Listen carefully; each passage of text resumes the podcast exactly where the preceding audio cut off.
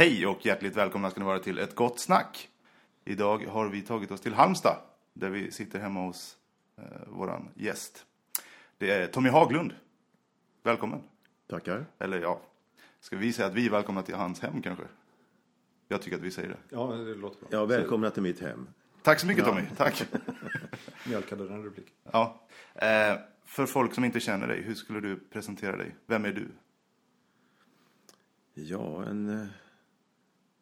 På sätt och vis en helt vanlig människa, men som har ett kanske lite udda jobb. Jag skriver musik, men det är ingen musik som kanske överhuvudtaget inte på något sätt är tänkt att hamna på några hitlistor eller Svensktoppen eller någonting annat. Utan, Det är inte Per Gessle. nej, det, det, det gör ju han. Eh, nej, jag, så det, jag skriver musik för symfoniorkestrar och kammarmusik och spelat lite runt om i världen. Eh, jag började som klassisk gitarrist för länge, länge sedan. Och jag började komponera när jag var 10-11 någonting. Oj. Och, eh, ja, sen jag har eh, en fru som hjälper mig jättemycket, Elisabeth. Och sen så har jag döttrar, två stycken. Och eh, Elisabeth har två döttrar, så vi har fyra stycken tillsammans. Så bor vi i det här huset som jag är jätteglad att jag kan bo i. Ett stort hus uppe vid sjukhuset med en massa Halmstadgruppen-målningar. Och, och, sådär. och just nu så håller jag på att arbeta för, på en beställning för Filharmonin i Stockholm. Ett större verk, en symfoni som jag ska göra nu. Och det blir lite, ja, ja det var väl det ungefär. Du får, du får fokusera mer på vad jag ska säga om mig själv. Så ska jag försöka precisera mig. Jag har ju som vanligt fyra, det vet ju inte du kanske, men det, det föds ju massa frågor när jag hör allt det här. Om vi börjar i en ände. Du skriver för Stockholms Symfonikerna, så så. Ja, Kungliga, Kungliga Filharmonin i Stockholm. Ja. Ja. Mm. Hur lång tid tar ett sånt arbete? ja, det beror alldeles på. Alltså, för att I mitt fall så behöver jag lång tid. Det kan ta ett par, ett par år faktiskt att göra det. Eh, och därför att jag är väldigt noga och jag måste gå djupt in i mig själv för att hitta exakt det jag vill. och sådär. Och så är jag, inte, jag nöjer mig inte med första bästa lösning utan jag vill eh, komma... Och det, kan, det, det, det tar väldigt mycket på krafterna att gå så djupt in i sig själv. Eh, speciellt om man vill skriva musik som kanske är på, som en del betecknar som allvarlig musik. Och många är rädda för allvar. Det är, därför att det är, det, det är tungt att gå in i det. Folk har i alla tider varit rädda för, för allvar.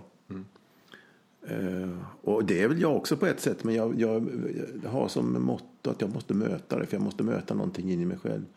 Från olika vinklar. Så varenda stycke jag gör så försöker jag hitta så långt in jag kan liksom, eh, i det här. Och, så får och då behöver man tid. Va? Så att jag har en startsträcka på ett halvår innan jag överhuvudtaget tänker ut någon ton. Där jag bara försöker att samla ihop vad det ska bli. Oj. Och går det att beskriva processen? Vad, hur, hur går det till? Ja, Både det här halvåret och, och resten av perioden? Alltså det är ju... Eh, för det första, man, man tänker att han håller bara på med allvar. Det är ju jätteviktigt med lek och humor och sånt där. För det, det frigör så mycket. Va? Det är lika viktigt. Så att det första jag gör är att jag, jag är med på alla idéer som kommer. Jag tycker det är fantastiskt. Alla idéer jag får tycker jag, åh fy fan vad bra det här måste, det här ska jag ha, det måste jag ha. Det. Så man är som en, och det är den roligaste processen överhuvudtaget. Just man är i det skedet där. Va? Att man accepterar allt. Och sen kommer det till en punkt då man måste sätta sig och ungefär som om man, någon skulle börja skjuta med en kulspruta här och jag tycker åh vad härligt. det går inte liksom. Va? Nej. Utan då måste jag fokusera på att ta mig ifrån. Hur Och då, då måste jag fokusera jobbet. Då, då, så, då, då sorterar jag det som jag ska ha. Va? Det här, nu, nu är det, och sen gäller det då att man inte fastnar i det. Att man, du vet, man ska, nu, nu är det totalfokusering för då kan man lätt bli låst efter, efter ett tag. Va? Och då måste jag ut igen. Då går jag ut, då, när jag, om jag gör så en dag till exempel, då går jag alltid ut till ett eh, konditori och sätter mig. Jag har ett favoritkondis här i stan som jag sätter mig en stund.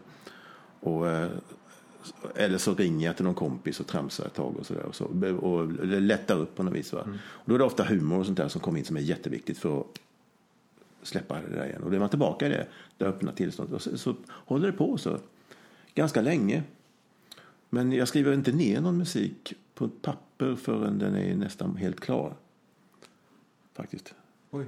Ja, det var det jag tänkte. Hur dokumenterar du den här Jag har... Jag, först? Jag, jag, vet, alltså jag har ett fruktansvärt dåligt minne för namn och, och såna här grejer. va. Eller Elisabeth säger, kan du fixa det? Och så har jag glömt det givetvis. Men eh, musiken, jag kommer ihåg allting.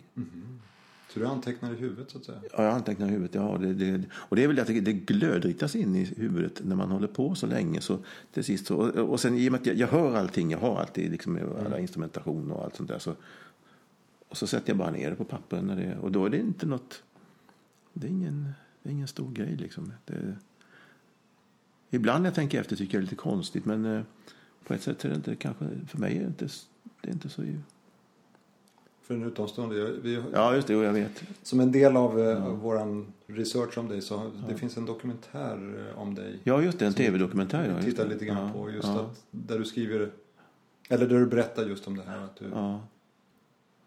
Eh, för, för en utomstående är det helt det är ju som magi eller jag vet inte riktigt vad hur jag ska förklara Ja. Ja, jag, jag har undrat själv vad det, varför det är så. Och, och så. För att jag tänker, vad skulle jag, vad skulle jag kunna göra annars? Liksom? Vad, vad för jobb skulle jag kunna ha? Man blir, man blir, man kan bli, jag blir inte trött på det här, men jag kan känna ibland att det tar så fruktansvärt mycket på mina krafter. Så att mycket enklare att vara brevbärare. Eller, eller, eller, inget fel med brevbärare, det är jätte, jag är, Nej, nej, men- det är verkligen viktigare. Alla, eller ett sånt jobb där man bara du gör dina grejer och sen så kommer du hem och sen läser du tidningen och sen så pratar du med frun och tittar på tv lite och så upp på morgonen.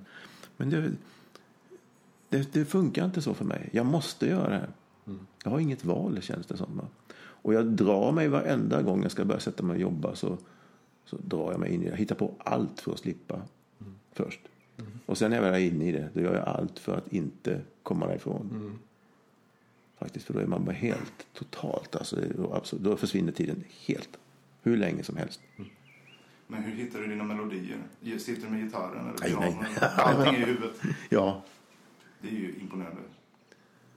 För oss som har ett okej gehör eh, så är det fantastiskt. jag, jag kan ju, om du stänger av inte så ska jag...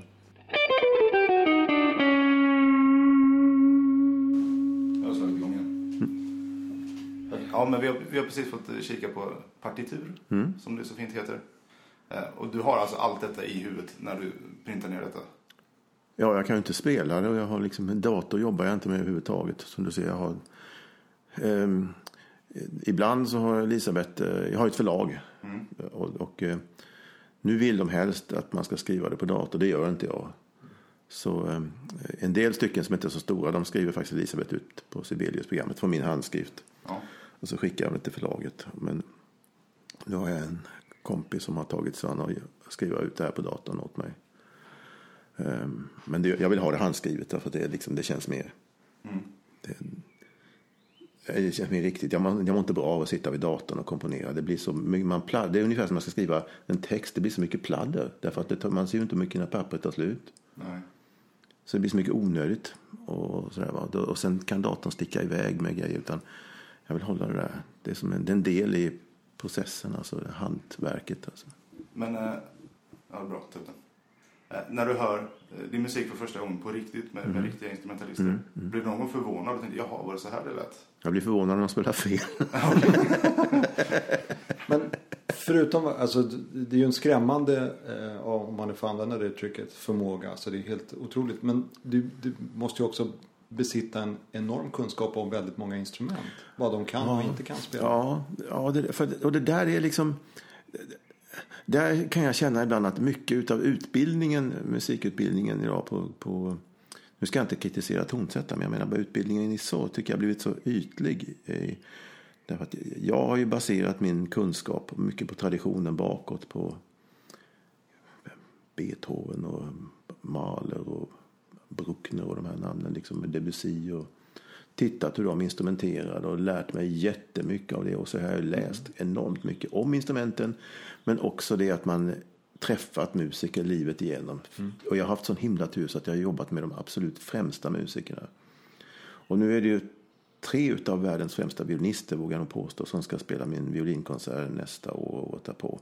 Och då, och då, när man jobbar med dem, då, då, dels så lär man sig instrumentens begränsningar, men man kan också tänka väldigt obegränsat. Jag behöver inte tänka att det här är för svårt att spela eller någonting. Utan, och så att jag har haft en väldigt tur på det viset, att, att de har velat spela min musik, såna här fenomenala musiker. Mm. Så, och, och eh, hela tiden lyssna. Vad låter, hur vill du det ska låta? Så att du vet vad du vill. Va? För att vet man vad man vill när man träffar musiker och de känner att du vet precis hur du ska ha det. Mm. Då får de ett förtroende för en och då blir det, liksom ett, då, då blir det väldigt, ofta väldigt bra. Mm. Och är det så att du skriver med någon speciell åtanke? Eller just den här friheten att du vet att det här är en mästare som ska spela? Alltså, det, det, det, ibland har det varit eh, solister som jag gärna velat, om de har beställt någonting så har jag nog ibland velat lyssna på dem för att höra vad är, vad är grejen med deras uttryck. Mm. Som när jag gjorde min cellokonsert till exempel så var det en av mina bästa vänner, John Ede, som skulle uh, uppföra den. Och då, då utgick jag ifrån hur han fraserar och sådär. Va? Jag menar, du tar en skådespelare, hur, mm. hur lägger han ut texten? Liksom? Vad, är, vad är hans eller hennes grej med att lägga ut texten.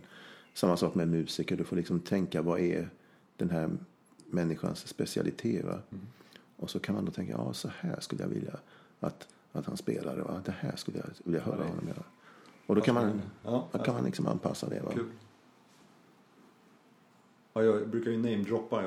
I programmet så Tuva Åberg var med och Ja, Tuva, ja visst. Ja, vi har jobbat tillsammans. Vad säger du? Hon spelade Kristin i Fantomen ja, visst. på, på Oscarsdagen. Ja, ja, visst. Mm. Var du där då? Jajamensan.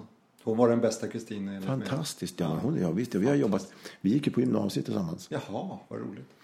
Så jag, jag vet, jag lärde, jag tyckte, jag vet, vi gick parallellklasser tror jag och jag tyckte hon var så himla söt. Men jag hade ingen mm. aning om att hon sjöng till jag fick kompa henne på gitarr någon gång i någon renässansmusik. Mm. Hon hade en fantastisk röst. Alltså, mm. Sen började hon Sen försvann hon och jag försvann på mitt håll. Och sen så... Nu skulle jag göra en skiva tror jag med något. Jag hade fått någon beställning på något från Wien vet jag. Så. Mm. Det stycket skulle spelas in och då kom jag att lära känna Karl-Axel och Monica Dominicki väldigt väl. Karl-Axel jobbar jag jättemycket med, har okay. jobbat jättemycket med. Och det är ju deras eh, svärdotter. Jaha, är det det? Det visste jag inte. Mm. Ja. Så det, då, ja men du måste jobba med Tua, säger Karl-Axel. Mm. Och då, Tuva, vilken Tuva? Tuva Åberg? Ja, det är min eh, Johan. ja, Jonas eh, flickvän. Ja. Jag undrar lite hur allting började. Har det mm. alltid varit klassisk musik i fokus? Nej. Hur, hur, hur började din kärlek till musiken generellt? Då? Hur upptäckte du att det var det du ville göra? Man skulle kunna dra en parallell till det här med allvaret. Varför det kom in. Varför jag inte Eh, vet, när jag var i sjuårsåldern så var ju Hepstars och Sven Hedlund och mm. ja, det var ju idoler. Tages och sådana Men så var jag ett och ett halvt år på sjukhus. Vi hade en väldigt livshotande magsjukdom som de inte trodde jag skulle klara av. Så att eh, det var, jag, jag låg ett och ett halvt år på det. Ensam mycket på sal. Och då hade de såna här lurar man kunde på nätterna kan man höra musik i hörlurar. Och jag vet att jag var inte intresserad så mycket av det. gick inte att få in ordentligt för det var så mycket störningar. Så att jag började lyssna på AM-bandet med de här radiostörningarna istället. Och då är just då när de började med de här rymduppflygningarna till månen, Apollo. Mm. Mm. Så jag var inne med rymden. Så jag tänkte att om jag dör då hamnar jag där uppe någonstans. Tänkte jag. Så så att jag började leka att jag var i rymden med hjälp av de här radiostörningarna. Att jag var krig eller att det var, ibland var alldeles stilla och så for det kometer runt. Och jag läste massa astronomi också. Fast jag var så liten så jag, biblioteket fick ge mig, liksom låna mig mängder av böcker av sjukhusbiblioteket. Mm. Och, och titta på galaxer och sen så låtsades att jag var det. Så det var de här ljuden betydde väldigt mycket för mig. Mm. Sen så blev jag ju återställd. Efter mycket om och men så blev det ganska skapligt. Och då, då vet jag att jag var ute med min morfar och körde. Vi skulle till deras sommarställe och då hade han på Melodikrysset på radio. Mm. Hasse Tellemark var det. Ja. Så frågade han vilken film är den här eh, musik, spelas den här musiken? Och det var Mozarts eh, pianokonsert nummer 21. Elvira Madigan. Mm. Och jag vet att precis innan de skulle spela den här musiken så sa min morfar till mig Lyssna nu pojk, sa han. Lyssna. Det här, det här, det här, det här är någonting, förstår du. Det här. Jag tänkte, vad, är han? Han såg så liksom bestämd ut. Så jag lyssnade och jag tyckte det var helt fantastiskt. Och att det var lite grann som det där sjukhusstämningen. Mm. Och jag kände, fan, det här, det är ju det här jag ska... Här, jag vill hit alltså. Va? Mm. Jag fattade inte hur jag skulle komma dit eller vad, vad det var för någonting som hände egentligen. Jag hörde bara att det var ett piano och oerhört vackra stråkar och att melodin gick på ett sätt som jag aldrig kunnat föreställa mig i, i, i popmusik eller något mm. som man var så van att höra. Så att jag hade det som någon slags hemlig dröm, att det var det, var det jag ville syssla med. Men eh, eh alla i omgivningen, det var ju bara pengar och massa sånt där som man skulle... Så det gick ju inte ihop. Va? Så jag, jag tog lektioner på musikskolan i Kalmar, hette det då. Mm. Och då träffade jag den mannen som jag har tillägnat den här symfonin nu. Faktiskt. Han, han dog nu förra sommaren. Dansbandsmusiker. Som var trumpetare och basist i något gäng som hette Claes Fredis. Mm. Och han hade timmar på musikskolan. Han var väl 25-årsåldern. Mustasch som gick hit och uppknäppt här och gabardinbyxor och vet, sån här häng. Mm. Halsband och sånt där. Alltså, riktigt polisonger. Han blev min idol alltså. Mm. Claes-Göran Bjärding hette han. Och, och han kunde arra för storband och sånt. Han var fenomenal på det. Men självlärd. Så att jag sa åt honom, jag vill skriva som Mozart. Ja, men då fixar vi det, så kan, kan jag, jag, jag hjälper dig, får vi se hur, hur, hur, hur vi kan, vad vi kan göra. Hur, det ska, hur, hur, hur, hur, hur får man det låta så? så här. Och så visade han mig, så började vi gå igenom lite med hur man skriver för eh, stämmor. Hur man gör, hur man bygger stämmor, stråkinstrument och såna här prylar. Så jag lyssnade och sen så hade jag melodier färdiga och så fixade vi till det och sen så till och med så fick jag ett stycke då framfört som han spelade på en barocktrumpet med orgel som jag hade skrivit då, till någon avslutning i fjärde klass eller vad det var. Så han, han var enormt betydelsefull för mig. Mm. Och sen spelade jag parallellt i ett rockband också. Mm.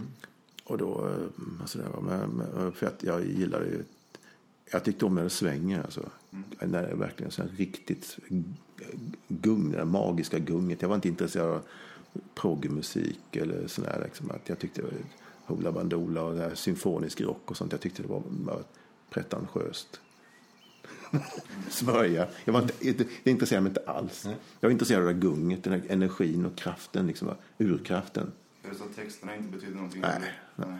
Jag tyckte, och de texterna som var tyckte jag var så erbarmliga. Alltså, det, det patetiskt tyckte jag men många, många gånger att det var. Va? Mm. Inget, ingen ont om eh, Mikael Wiehe och alla de här. Men de, de, det var inte min grej alltså. Jag ville, ha, jag ville ut åt något, något helt annat. Så att, mm. Men vi spelade ett rockband i alla fall. För jag tror vi fick ett, ett bra kläm på det. Men den andra musiken, det var, det var som att gå in i en helt annan, det var en helt annan grej. Mm. Det var som att ägna sig åt, eh, eh, vad ska jag säga, schack.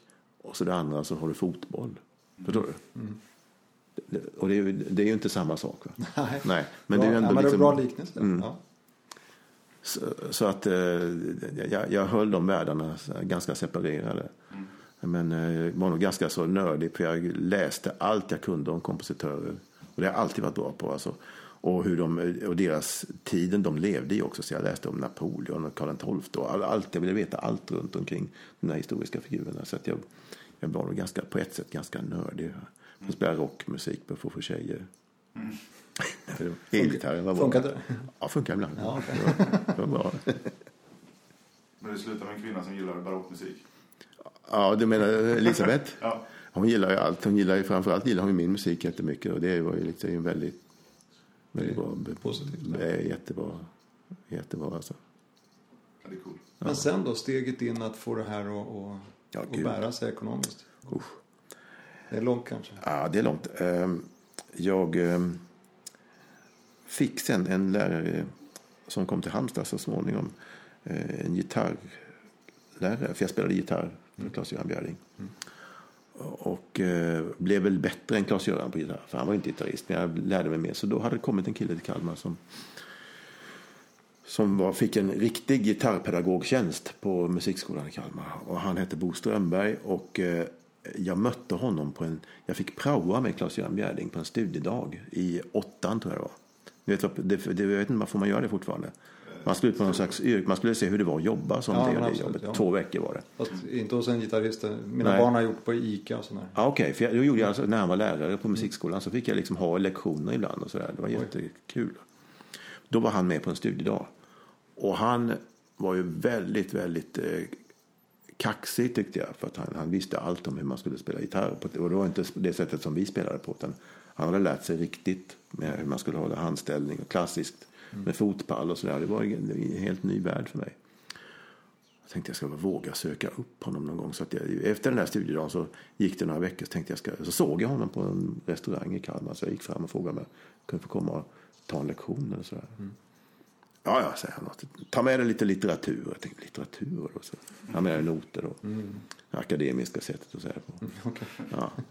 Så jag frågade han, litteratur? Ja, det är noter, säger han. Ta med dig. Vad, vad, så jag, jag, jag spelar inte så mycket gitarr efter noter då. Så. Men jag, tror, jag, jag, jag spelade Romance d'amour, alltså den här Du är den ende, i A-moll. Och sa, I A-moll? Jag ska gå i E-moll, sa han direkt också. Och sen håller du handen precis fel vad jag hade. Så jag fick ju sätta mig med en fotpall och lära om all teknik från scratch. Va? Och det blev ju, det var jättebra. Alltså det var det? Ja, gud, han, det var ju, han visste ju, han, har ju, det, det, det- han visste ju med, med anslagsteknik och hur man skulle ha vänsterhanden och, och la, plockade fram riktiga gitarrstycken och sådär så småningom då efter, efterhand. Så jag blir ju eh, med, ja, bra på, en av de bästa där på, på skolan, kanske den bästa på skolan där. Spelade klassisk gitarr, det gick väldigt bra. Så skulle han flytta hit.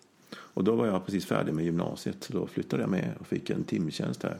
Eh, 13 timmar. Det var precis gränsen för att man inte skulle bli fast anställd. Ja, ja. Fick jag undervisa 13 timmar. Jag har aldrig undervisat förut. Tyckte det var spännande ibland men dötråkigt också. Fick åka ut till Kvibille med en buss. Jag hade ingen råd med bil och så hyrde jag ett rum här uppe på någon, i något av de större villorna här i källaren som var en, en tvättstuga eller någonting. Där. Fick in en säng för 200 kronor i månaden. Så bodde jag där och så övade jag. Och, så, och sen för att gå vidare lite nu så hade ABF fanns, jag vet inte om det finns fortfarande, det var studieförbund. De, de, de var ganska stora då, olika studieförbund. ABF var väldigt stora i Halmstad vet jag. Och hade väl hand om musiklivet innan musikskolan kom. För. Och de hade tagit dit en gitarrist som hette John Mills som var en av de här världsnamnen på klassisk gitarr. Att han skulle komma hit och dels ha en konsert och sen så skulle han ha sån här masterclass, alltså mästarkurs. Och då skulle det få komma folk från hela, hela Skandinavien då, och då hit då, till hotell till Sand där. Okej. Och jag vet att jag fick höra honom på en konsert och jag höll på att smälla av. Alltså. Han fick fram ett ljud i gitarren, en klang. Alltså, det var otroligt ljud. Va? Det hade med anslaget att göra och sådär, hur man, vilken vinkel man slår ifrån. Och sen så, dagen efter så skulle vi då man spela upp. Då, det, då är det så här, då, då får du spela upp inför publik. Va? Så du har en lektion inför publik. Och då sitter ju hela gräddan av gitarrister sitter och lyssnar. Och, så jag var ganska nervös. Jag spelade ett relativt virtuost stycke för honom. Och, jag, och det gick nog ganska bra. Eh, För sen var det lunch och sen så kommer han fram till mig. Och jag tänkte, gud vad John Mills liksom. Och jag tycker du ska komma över och studera för mig i London. Jaha, så jag. Fan, jag blir ju alldeles salig. Jag tänkte, fan, men hur ska det gå till? Liksom, tänkte jag. För jag hade inget stöd hemifrån, inte ett smack. De ville absolut inte jag skulle Jag göra tänkte det. jag skulle sticka in med frågor. Är det någon musikfamilj? Nej. Nej. Nej, inget så. Nej, nej. Inte, inte ett skit. De tyckte inte alls jag skulle på med det här. Det var, det var, jag bara lekte. Det var, man blir inte vuxen av det här. Liksom. Det var inget. Det var bara... Alltså, det är den som låter. Eh, eh, I alla fall så... Jag tänkte, hur ska jag, hur ska jag kunna komma till London? Då? På den tiden kunde man göra så att man kunde gå till Sparbanken. Så hette det då. Det var, det, vad heter det nu när det är Swedbank? Va? Ja, något sånt. Ja. Stämmer nog. Så sa man så att ja, jag ska behöva ett lån på 80 000. Och Så för att jag ska eh, köpa en gitarr eller något sånt där. Då kunde man få det. Så jag gjorde det, så fick jag det. Tog de pengarna och stack till London. och då, då hade han fixat in mig på ett guesthouse som var ägt av en lord. Det var en mycket excentrisk lord. Och han eh, älskade, det var här bed and breakfast hotell alltså, som låg i Kingston. Och han älskade klassisk gitarr och sådär. Så att, eh, jag blev ju omhändertagen av honom och han, eh, när han fick höra att min pappa hade bott i St. John's Wood i London och arbetat med Financial Times och Daily Telegraph. Mm. Då blev jag plötsligt, det är så mycket klass mm. i England och sådär. Då visste, då kunde han parera in mig på något vis. Och då, då skulle han se till så att jag blev invald i Conservative Club i London. Så att jag skulle kunna hitta en bra lägenhet. För han kände, det var massa folk som hade fastigheter som var med där. Mm. I, i, I brittiska aristokratin då. Så, skulle, okay. så jag blev ju invald i Conservative Club. där. Jag fick träffa alla de här och så fick jag en bra lägenhet. Relativt fint. Till ganska bra pris och så. Men eh, eh den där lorden, han, han, var en mycket egendomlig man. Alltså han, han, var, han var gift men han stod inte ut med sin fru så att han lämnade det där slottet han hade och så på, i veckorna så skötte han det där guesthouset. Så åkte han hem med sin Bentley på helgerna. Så, så, gick han i en gammal smutsig tröja och serverade gäster på mat. Ja, mycket egendomligt. Men i alla fall, John Mills och jag blev oerhört goda vänner. Och vi, han ska faktiskt flytta hit nu för vi ska kunna ses lite mer. Mm. Så han var på vårt bröllop och jag var best man på hans bröllop och sådär. Mm. Så vi brukade spela tillsammans också och var ute och spelade. Och han skickade ut mig till gitarrbyggare och sådär. För jag lärde mig att få upp ungefär samma ljud som han fick på. Mm. Så att han skickade ut mig. Men eh, det slutade alltid, lektionerna slutade med att han bodde hemma hos sina föräldrar. För han var i, han var i 30-årsåldern då någonting. Och eh, åkte runt hela världen så han, det var liksom bra för honom att bo på, ja, hos sina gamla föräldrar. Mm. Och lektionerna slutade alltid med att dörren öppnades och så såg man två händer så med en bricka, och te och äppelpaj och vaniljsås. Och så åt vi det han och jag. Så, så lyssnade vi alltid på stenkakor. Alltså sådana här gamla mm. 78, klassisk musik. Och jag tänkte, jag lyssnade. Dels så kände jag igen det här bruset från radiobruset och det var ett en kompositör då som, han, som han spelade som jag blev fullkomligt knockad av. Lika knockad som jag blev Mozart första gången. Och det var musik av någon som heter Delius, kommer jag ihåg.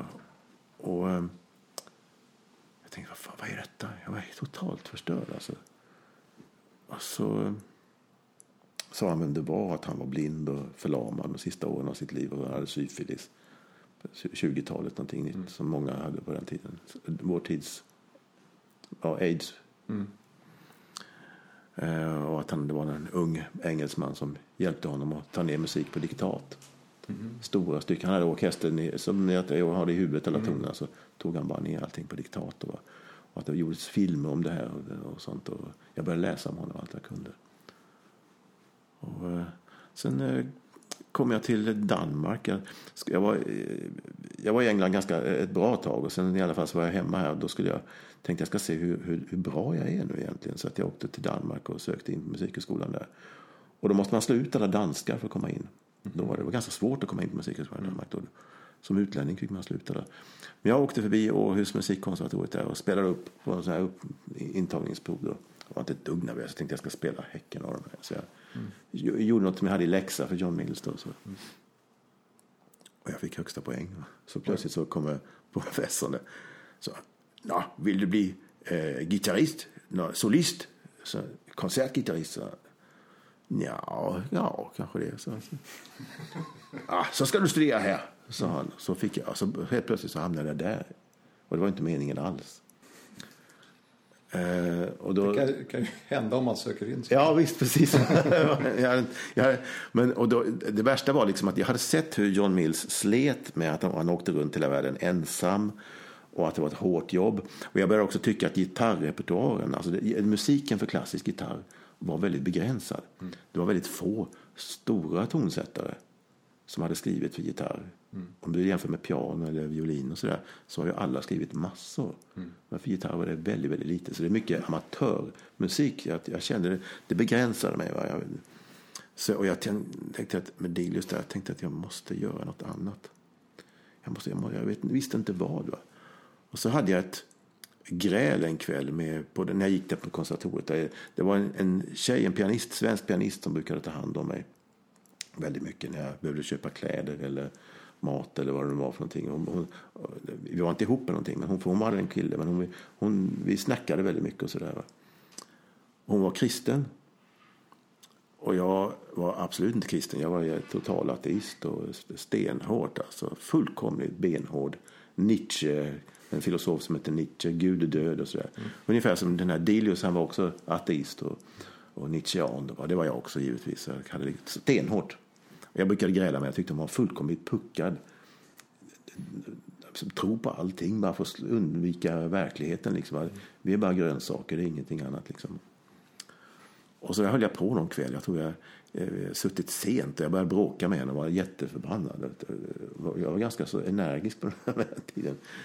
Och sen kom jag hem i alla fall på natten där och så står jag och tittar ut genom fönstret och det är mörkt och så plötsligt så ser jag liksom som Eh, en film precis som jag för mig. Jag tänkte, nu blir galen. Och sen man började spela upp en film på det med lövverk och sådär som flyttade sig och åkte mot en himmel och så flög jag runt. Jag kunde se jorden nedanför och så, så jag tänkte nu är det nu. Antingen är jag galen eller är det någonting som försöker säga någonting åt mig. Va? Men jag stod och bara följde med och det var, det var, det var, som, det var helt otroligt alltså. Jag har frågat en hjärnforskare om det här, det är inget fel på mig. Jag har bara någon extra koppling sa han som jag ska vara rädd om. Okay. David Ingvar frågade om det nu. Mm. Men då visste jag inte vad. Men jag tänkte, aha, alltså, nu är det något, någonting jag måste göra. Jag tänkte, något drastiskt. Så att jag bestämde mig för att jag lämnar det här stället och jag gör det nu bums. Nu åker jag tillbaka och nu ska jag bara komponera så får jag se vad som händer. Jag skiter i allting. Jag struntar i vad det än, vad som händer. Det, här, det är något viktigt. Det var verkligen viktigt. Det kändes som ett otroligt stort tecken av något slag. Mm. Jag började tvivla på allting. Alltså, vad, vad, vad ska jag... Så jag stack tillbaka hit. Och eh, sökte, och jag var ju nästan klar då där. Jag hade nästan klart min utbildning. Så professorn och en annan docent på gitarr kom hit, reste hit och var över en natt här för att övertala mig att komma tillbaka. Oj. I Danmark då. Men jag, alltså nej. Det, nu ska jag bara komponera. Det får bli precis vad det vill. Mm. Och eh, jag fick jobb på något studieförbund och började undervisa tanter i klass i såna här två ackord och sånt där. Och, och jag och Bo Strömberg gjorde en bok också, gitarrmetodik och lite sådana där grejer med. Uh, och sen blev det så att uh, jag uh, hade fått en god vän där i Århus på konservatoriet som sen kom att spela med Vinfilharmonikerna. Och mm, hade en väldigt fin karriär. Han är en av mina bästa vänner då, en cellist. Så att när jag var här då så får jag en lång historia kort här. Så jag fick i uppdrag när jag bodde här att skriva en artikel om den här Delius som jag hörde i England då. Av Kvällsposten. Mm. Och då sa han det att du vet väl, sa han då, att han som hjälpte honom att skriva den här musiken, han lever fortfarande. Mm. Det var ju, han dog ju 1934, Delius. Mm. Ja, jag vet, så han. Han är väl han är jätteberömd och har gjort en massa böcker om det här. Ägnat hela sitt liv åt att berätta. Ken Russell har gjort en tv-film åt BBC, en spelfilm om det här. Jag tycker du ska ringa honom, sa han på ett par frågor. Kan jag göra det? Så, ja, jag har hans telefonnummer, det är hemligt men du kan ta det. Så. Och säga att du har fått det av tidningen. Så jag gjorde det. Så jag ringde honom. Eric Fenby hette han. Han var då lärare också på komposition på Royal Academy. Så jag ringde och så sa att jag ringer från Sverige. Good Lord, säger han då. Ingen så sa jag att jag älskar Delius musik och jag vill... Jag försöker komponera själv också. Och jag hade hört att han var väldigt sträng, den där liten gubbe. Mm. Men han, blev, han var jätteintresserad. Och så sa han att är du, inte, du kommer inte till England snart? Jo, jag ska faktiskt över till England och träffa John Mills bland annat. Och, och så där. Så att jag, ja, men då, tycker jag, då bjuder jag dig på lunch på Royal Festival Hall, säger han. Och vi hade planerat att göra en pjäs om Delius också. Så han, jag träffade honom första gången. Och eh, det var som att träffa någon gudomlig mm. från historien långt bakåt. Han hade ju träffat Sibelius och mm. Edward Elgar och alla de här stora. Så, och vi åt lunch och han berättade bara om en svensk flicka som han var förlovad med där nere. Delius bodde alltså i Frankrike. Mm. I en by som heter Gressuloing utanför Paris. Och där bodde han, där var Strindberg var där och Munk och de hade höll till där. Och målare, Svenska konstnärskollektivet, de höll till där. Och då bodde Fenby där mellan 1929 och 1934 när Dilius tog. Och då tog han ner jättemycket musik på diktat. Dilius var en jättehård gammal gubbe som var helt förlamad. De fick bära honom som en säck potatis. Han var blind. Och han tog då ner på diktat stora stycken. Va? Så han berättade om det. Men också att under tiden han bodde där så var han förlovad med en svensk flicka. Som vars morfars morfars far, tror jag det var, var vän med Beethoven och Haydn. Mm. Gustav III hade bett den här mannen som hette Per Frigell att organisera upp Musikaliska akademin åt honom i slutet på 1700-talet. Och det berättade han då också. Jag tänkte, vad häftigt, jaha. Så ja, det var hans livs kärlek. Och hon gjorde slut 1934, tyvärr. Och så, så det blev ingenting, men han tänkte på henne jättemycket. Så åker jag hem. Och sen så tre veckor efteråt så får jag ett telefonsamtal. Det är en kvinna som bryter på engelska. Då har han skrivit ett brev till henne efter 50 år, för hon bor i Sverige. Oj. Att du måste träffa den här intelligenta pojken, ni har säkert jättemycket att prata om. Helt plötsligt bara sådär, efter 50 år. Uh, och jag, vad var jag då? Jag var 25 någonting. Va? Och hon, blev, hon hade då träffat Heidenstam och hennes morbror var förläggare åt August Strindberg. Hon uh, kände Hugo Alfvén jätteväl. Och, och så, där. så jag kom in i en helt annan sfär med människorna. Och hon betyder jättemycket för mig. Och eh, förklarade de här bilderna jag hade sett bland annat. Med, för jag sa att jag undrar om det inte finns det någonting annat än bara det vi ser. Alltså, är det så att det kanske finns en parallell värld som vi inte vet någonting om? Va? Och då tyckte hon att jag skulle läsa Emanuel Swedenborg, sa han då. En svensk mystiker och forskare, vetenskapsman. Jag ska inte gå in på honom för det tar jättelång tid. Men jag läste om honom i alla fall och tyckte det här var ju jättespännande.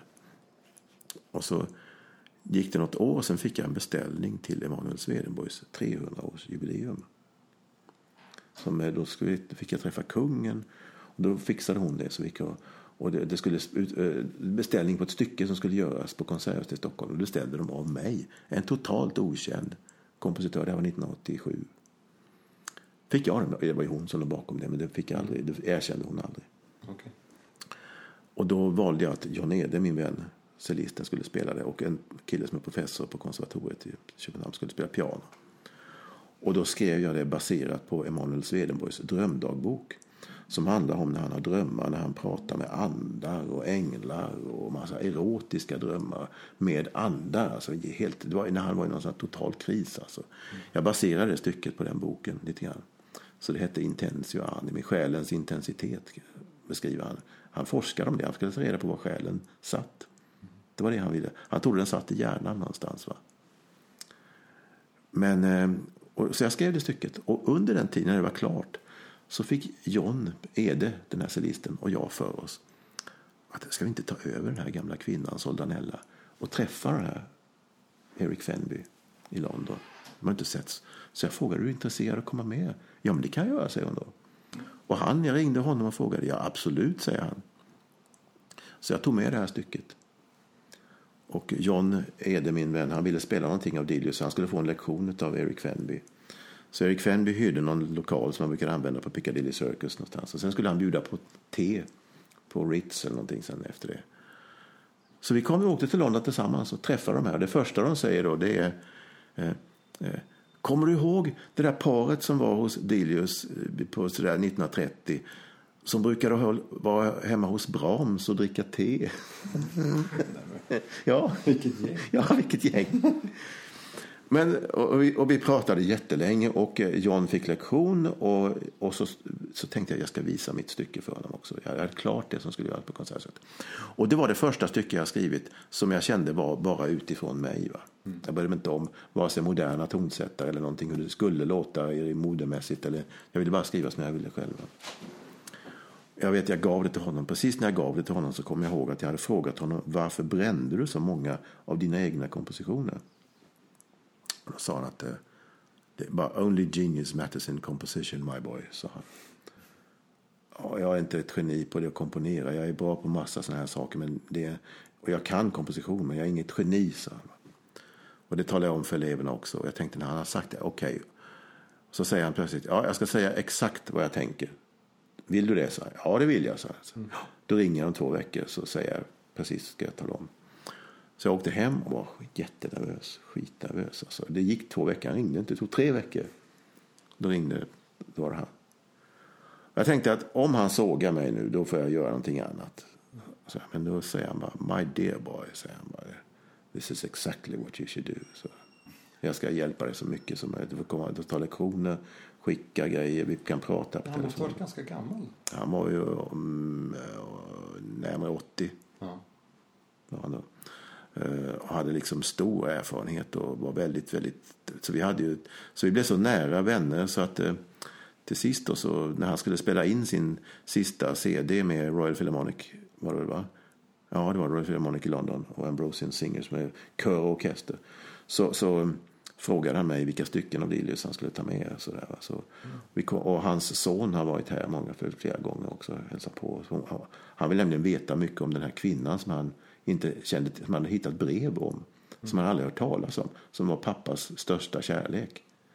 Och så, så att han kom hit. Och men i alla fall, det stycket då. Det gjordes på Konserthuset. Jag var inte alls beredd på att det skulle vara recensenter där eller någonting. Det hade inte jag fattat. Från Dagens Nyheter och Svenska Dagbladet och sådär. Eh, och när det stycket gjordes, de spelade musik av Beethoven, Fauré och Debussy tror jag det var. Och så, och så, och så mitt stycke då. Och när mitt stycke var klart sen så jag skulle jag gå fram och tacka musikerna efter konserten. Då står det en lång rad med människor bakom mig. Och en del hade tårar i ögonen och sådär. Och alla ska gå fram och krama mig. Och var alldeles skakade. Och sa att de hade upplevt något stort. Och så jag, jag, jag fattar ingenting. Jag, jag var inte alls beredd på det. Jag tänkte, det var inte... Det, var inte, det, var inte, jag, det, var, det fanns inte i min värld. Va? Och sen åkte vi hem till Halmstad och då var det någon som, som ringde de från Radio Halland, hette det väl då, P4. Så, att, "Eh, du måste, har du läst Dagens Nyheter? Nej, jag har inte Dagens Nyheter. Ja, men det är ju recensioner om dig. Är det det? Så vi åker till en bensinmack och köper Dagens Nyheter. ja. Ja. och då hade en jättefin recension om min musik. Och sen då, då blev jag liksom inbjuden till tv, SVT, något program som heter Svepet med John Crispinson, med Pugh Rogefeldt och Nikola Gedda och sådana här program var med.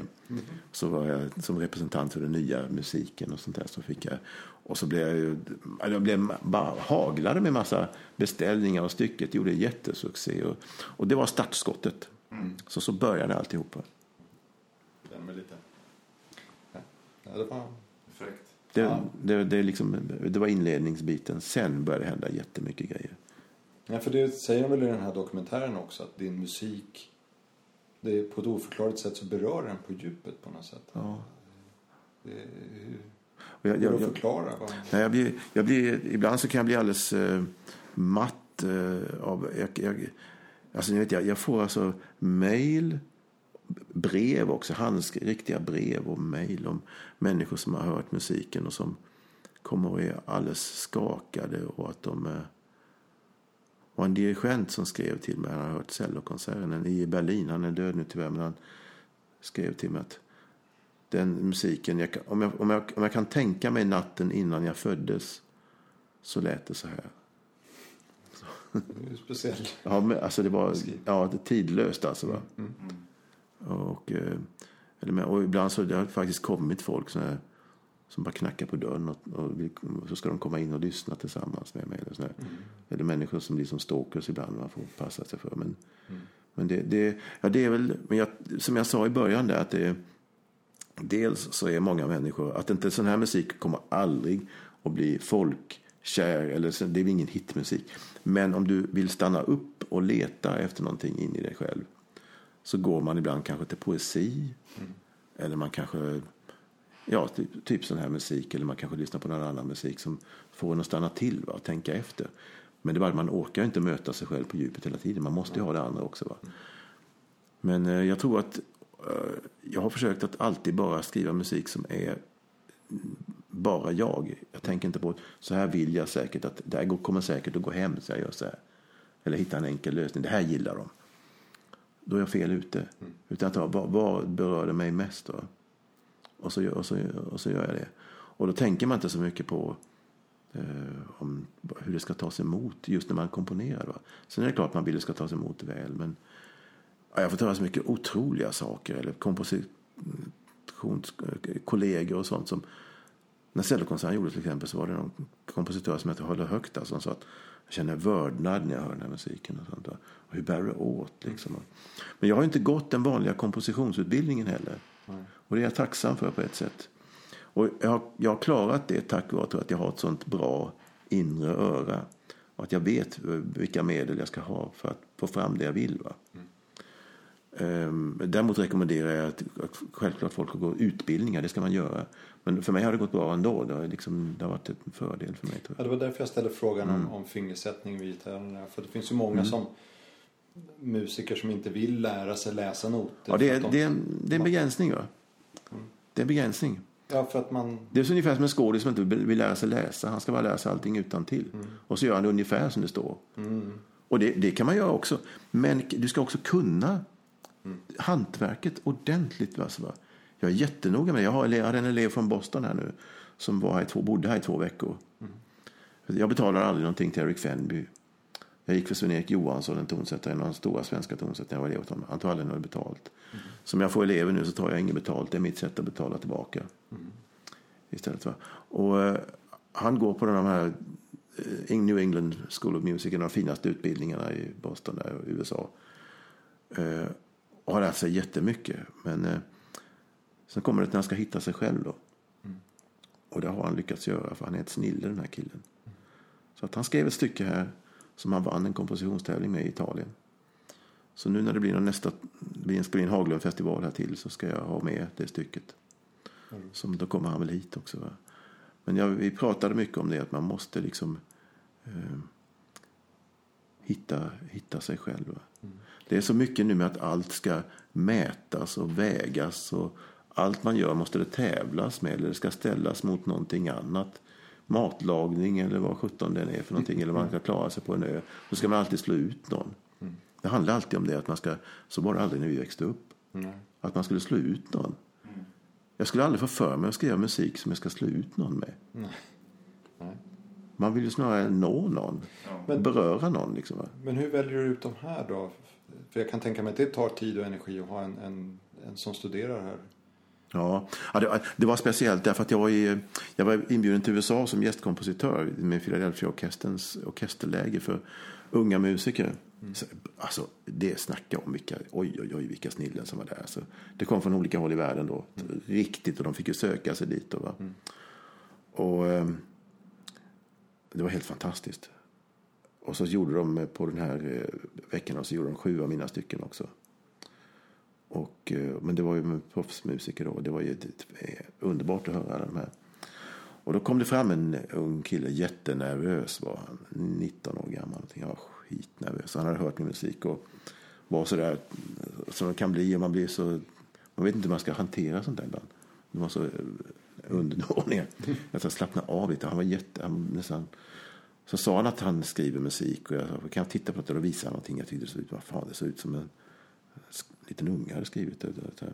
Men då förstod jag att det var skisser han hade gjort, mm. ungefär som jag gör själv. Och han berättade att han hörde också musiken innan han kunde höra vad det, vad det var. Och så, där. Och så fick jag höra någonting och det var begåvat, verkligen begåvat. Och han följde med på konserten med min musik och satt med partitur och alla skakade. Det blev liksom en liten klubb där med min fanclub. Mm. Och eh, sen så skrev han till mig att eh, den högsta önskan i livet är att jag kunde få komma och studera hos dig. Och det skrev han bara så där. Jag tänkte, jag pratade med Elisabeth, vad fan kan vi inte... Han kan väl komma hit? Har ju, har ju gått, han kan ju gå husera på övervåningen här bäst han vill. Liksom, och kan, det gör ju ingenting. Så okej. Okay. Fixa fram så du kan ha resan och så där. Så, så fixar vi resten här. Så, så tar du lektioner och så får du bo här. Härligt. Så han gjorde det i två veckor. Det var jättetrevligt. Så att vi, jag fick väl inte så där jättemycket gjort med mina grejer. Men men han fick ju rätt mycket inspiration och gjorde ett jättefint stycke här då när han var här som jag är väldigt glad för faktiskt. Annars har jag inte så mycket eh, elever. En del, det kommer en del elever, men då har de ofta gått färdigt sin utbildning. Och så där, så att, eh, då är de väl ute efter något speciellt och så. Mm. Alltså jag är ju väldigt fascinerad av det här med gehör. Mm, ja. Var någonstans på hela den här resan kunde du börja göra allting i huvudet? Det kan man inte göra direkt. Alltså, du vet, jag, jag upptäckte det väldigt tidigt att jag hade ett, ett att jag kom ihåg all musik jag hörde. Mm. Jag kunde bara, det, det är så popgrejer också. Jag kan ju hur många såna här poplåtar som helst i huvudet. Mm. Och, jag kan, och sen när jag ibland så tänkte jag att jag sjöng dem i samma tonart. Som de, mm. så, att, så, man liksom, så att när jag skulle göra det, det, det Jag aldrig riktigt tänkt på det. Okej. Faktiskt. Det bara finns där. Ja, på något, på något sätt. Om jag, är jätte, om jag är väldigt trött så har jag, då, då funkar det inte. Nej. Men om vi... Nu fick du inte svar på din fråga. Men den, du sa att den här kompositionen du har fått beställning på. Det är ett halvår först. Där det är någon slags Ja, energisamlande. Men Ja. vad händer sen då? Att skriva ner allting. det gör jag. Jag har börjat nu med de här papperna här nu skriva ner det så att jag ska... Eh, därför att han ska kunna skriva ut det på datorn. Så han vill ha det i lite god tid. Men eh, jag väntar till hela stycket är klart. För att jag är så jäkla dålig på att hålla ordning på papper. Skulle jag vara beroende av det då skulle det inte bli någonting. Alltså. Men det är ju helt enormt att du har hela... Ja, jag vet inte. Jag, har inte jag, jag försöker inte tänka på det. Nej. det, det jag, jag, jag jag känner så här att... Eh, jag pratade med en dirigent här, en kompis nu. Så, så sa han någonting. Jag, jag, jag träffade en kompositör här nere i Danmark. Han är helt galen. Vet du. Han, han är inte klok. Han är inte alls han är inte som någon annan. Så. Nej, jag sa, jag sa att ja, det är skönt att att jag får vara normal i alla fall. Ja, du är ju inte normal på något sätt.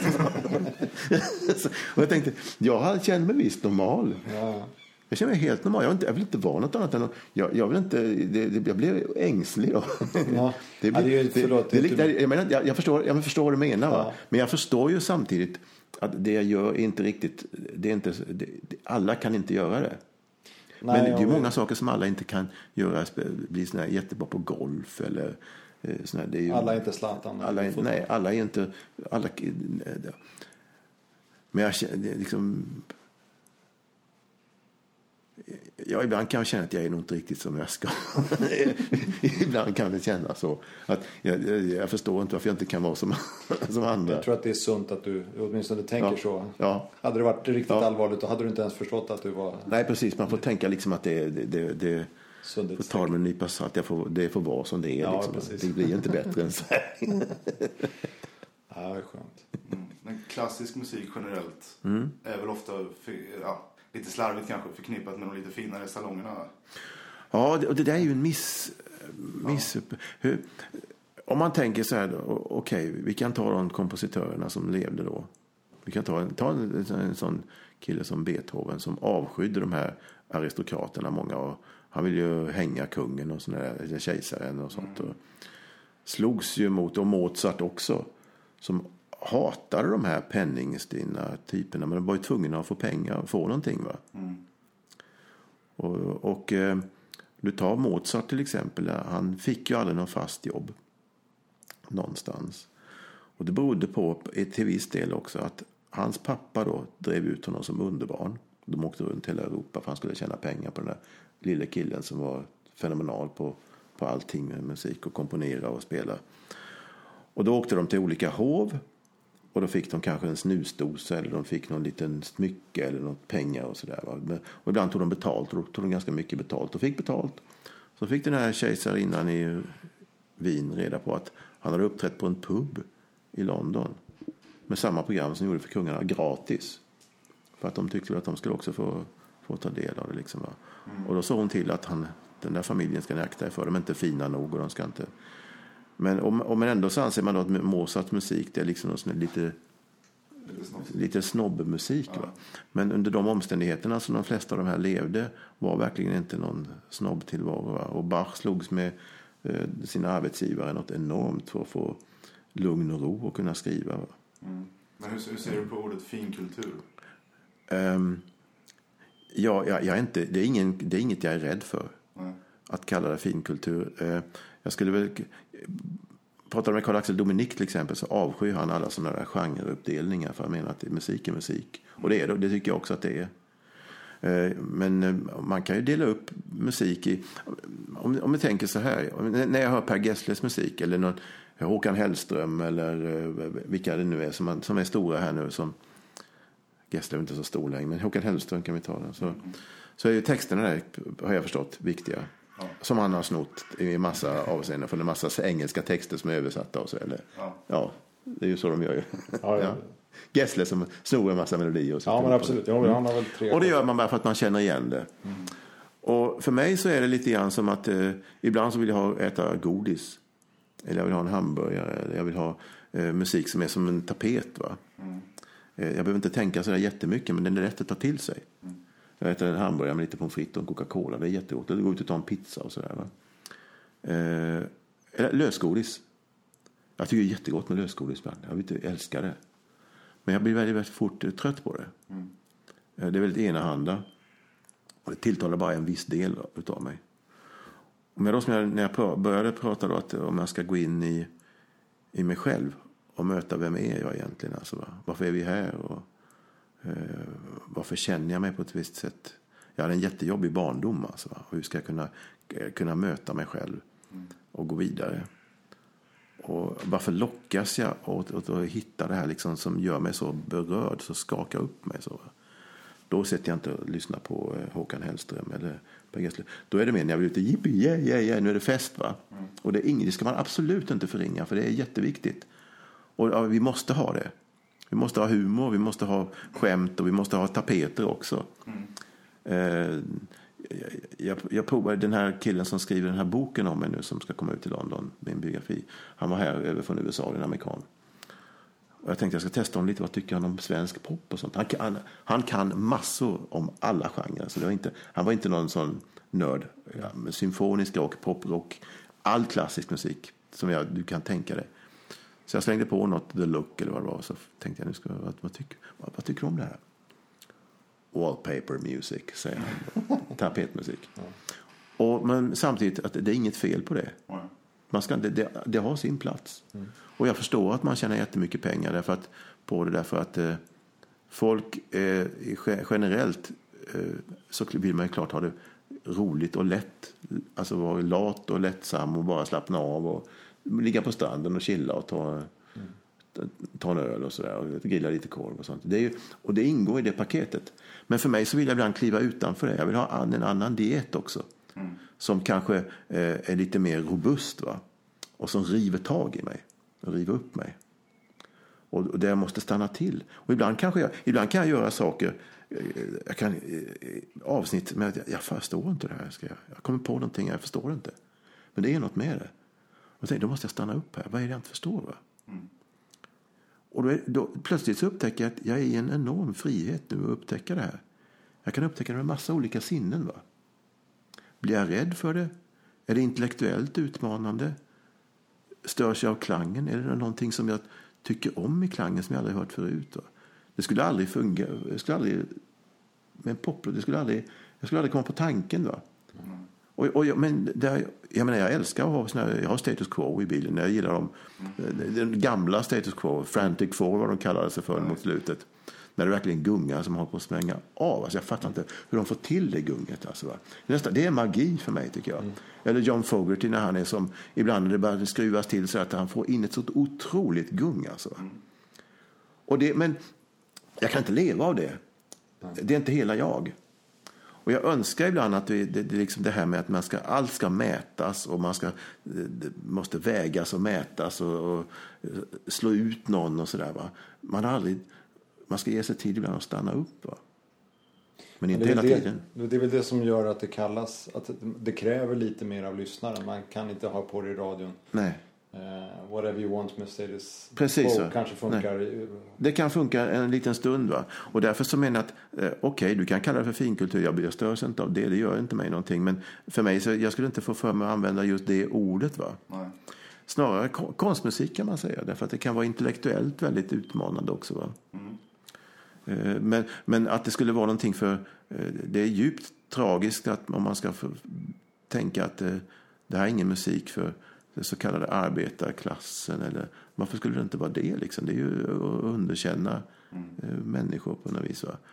Jag har träffat så många korkade människor som bara kan klassisk musik och tycker att det är så fint. Så det, "Åh, det andra duger inte alls. Och de tycker att det är verkligen tragiska människor också. Va? Så att, eh, jag, jag ser bara att när musik är, det, det finns ju hur mycket som helst. Det är bara att ta för sig.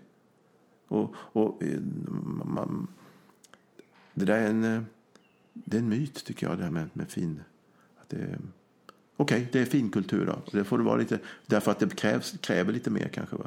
Eller som du har en maträtt som du måste vara väldigt noga med. Få till alla ingredienserna. Och, så där, va? och du kan, eh, jag menar, ta en kompositör som vi kan säga Beethoven eller Bruckner eller Bach eller någon. Så. Du kan ju ägna ett helt liv åt att upptäcka hur mycket som helst där. Va? Alla detaljer och hur de har gjort. Och det är obeskrivligt alltså. Men vi, kan, eh, som en kontrast till det så hänger det några bilder på, på väggen här med du och John Cleese till exempel. Ja, Har vi bakom Tom här. Ja. Berätta om det. mm. Det är ju en annan typ av, Ja, vad ska det. kalla för, kultur. ja precis. Han kom in i ett eh, skede i mitt liv när så, eh, jag var ju i åkte runt, jag var i Kanada och var upptagen i en indianstam där. Och så, det kan jag berätta om en annan gång. Jag är, jag är faktiskt cree-indian. Jaha, okej. Eh, Och, eh, jag jobbade jättehårt. Jag skrev och skrev och satt väldigt mycket och fick enorma ryggproblem. Jag hade, fem år hade jag jätteont i ryggen och kunde nästan, jag fick ligga ner, kunde inte sitta och sådär. Oj. Till sist så brakade alltihop och jag får göra en operation då, som förlamar mig från midjan och neråt. Oops. Och eh, fick då gå med käppar och såna där saker. Det blev, och jag fortsatte ändå att eh, eh, komponera så att jag tänkte att jag är helt oberörd, jag bara kör. Så jag, jag hade fått en beställning till kungens 50-årsdag. Kommer jag ihåg bland annat då, som jag skulle göra klart. Och cellokonserten och sånt. Så att jag låg på sjukhus och skrev. Och skulle också ut och göra föreläsningar tänkte jag med kryckor och sådär. Och det slutade med att jag fick något som kallas för panikångestattack. Vet ni vad det är? Folk börjar prata om det ibland. Och sådär. Det blir här overklighetskänsla. Man får 200 i puls och börjar bara strömma i kroppen. Och man, allt blir helt overkligt. Det är fasansfullt.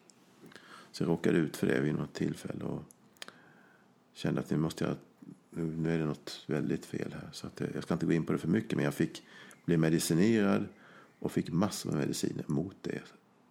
Med en diagnos som jag inte hade. Som att jag skulle vara, hade varit sjuk i skallen. Och det var jag inte. Och när jag fick den medicin så blev det ännu värre. Och så att, eh, när jag var elev hos dig så gick jag med käpp och sådär, kommer ihåg det? Mm, det var ju för att mitt ena ben då fungerade inte och sådär. va. Så att eh, ett tag hade jag 30 tabletter om dagen. Och det hittade jag inte på stan eller någonting. Jag kunde bara skriva. Jag bara kom bara ihåg musik, jag kommer inte ihåg någonting annat. Och var till sist dödssjuk. För att det blev så fel. Va? Massa in, det gick fel i kroppen. Och Organ började lägga av och sådär. Så att jag ställde in mig på det. Men eh, då var det en läkare som började titta på mig lite noga och sa det är inget fel på din skalle. Du har fått helt fel mediciner. Vi tar bort alltihop. Då försvann alla de här panikgrejerna. Och jag började kunna se utan glasögon. Jag gick utan käpp och kunde tänka blixtsnabbt. Och fick rätt mot sjukhuset och det blev ett jätteliv om det. Va? Eh, och då släppte jag käppen och sånt där. Och så paniken försvann. Och då var, kom jag i ett läge att jag plötsligt visste inte vem jag var. Och då hade det då gjorts en skiva med en violinkonsert som var beställd av en amerikansk dollarmiljardär. Jag var i USA. Ja, jag skulle ha föreläsning. Jag har varit där flera gånger. Konserter och sånt. Jag skulle ha föreläsning om min musik. Bland annat med konserter. Och på lunchen efteråt så hamnade jag bli en liten gubbe. Som var i 80-årsåldern. Som sa Well I've got a violin at home. Säger han. Så säger han att det är en Stradivarius. Jaha, säger han. Jag köpte den till min dotter för 20 miljoner för, på 80-talet. Hon är, hon är professionell violinist nu och han var utbildad operasångare och han, hans fru var lärare på Juilliard School i New York. Där jag också hade varit och föreläst. Cellolärare. Ja, tänkte jag. Elizabeth Pitcairn heter hon och hon är spelare över här, hela USA så här, som solist. Och, Vill du träffa henne, säger han. Det visade att det var en av USAs rikaste familjer. Han var dollarmiljardär. Och jag träffar henne och och vi åker ut till det här stället och det är massa Lamborghini och det är, herregud, alltså flygplan och jag hade egna jetplan. Och, så det och, och då så kommer den här tjejen och ska spela upp för mig. Hon bor i Hollywood egentligen, men hon var hemma just nu då i Philadelphia. Så vi, jag sa till henne, kan du spela lite från Sibelius fiolkonsert, säger jag. Så, utan till ja. Kadansen, jättebra. Så, ja, Paganini någonting av, det är alltså en violinist, 1800-tals jättevirtuos musik. Ja, 14 fasen. Jättefint spelare. Jag tänkte, "Ah, Gud vad bra det var. Så gick vi ut och säger hon att min pappa, hon, han sponsrar Metropolitan och Philadelphia-orkestern och, sådär, så jag, och konstnärer. brukar vi. Så att vi skulle beställa en violinkonsert av dig, säger han. Alltså en konsert för eh, orkester och viol. Och den här Stradivariusen, den var alltså byggts av Stradivarius på 1600-talet. Och när han byggde den så dog hans fru i barnsäng. Då tog han några droppar blod från frun och la i lacken, så den kallas för The Red Violin. Och Hollywood har gjort en film som fick en Oscars för, om den här fiolen. Alltså det är den fiolen som de skulle spela den på. Så att jag åkte hem och var jättesjuk. Jag gick med käppar och grejer. Och, så, alltså, och skrev klart den där konserten. Alltså var helt... Jag kunde inte göra någonting mer än bara... Jag kunde inte gå utanför dörrarna här. Jag kunde inte knappt gå utanför muren, så sjuk var jag. Jag kunde inte lämna muren på ett år. För jag hade så mycket mediciner. Det var otroligt alltså. Eh, Men jag gjorde klart konserten och hon var här och skulle spela in den på skiva då. Och då hade de en ambulans stående utanför konserthuset. När de spelade in För på- skull? Ja, för min skull. Så illa var det. Eh, och när hon bodde här då två veckor så skulle hon studera in konserten med mig med alla detaljer och sådär. Och jag vet, vi hörde, jag var så trött och jag, hon började spela och jag tänkte nej jag står inte ut med det här gnisslet, jag orkar inte. jag, fan, jag fixar inte det.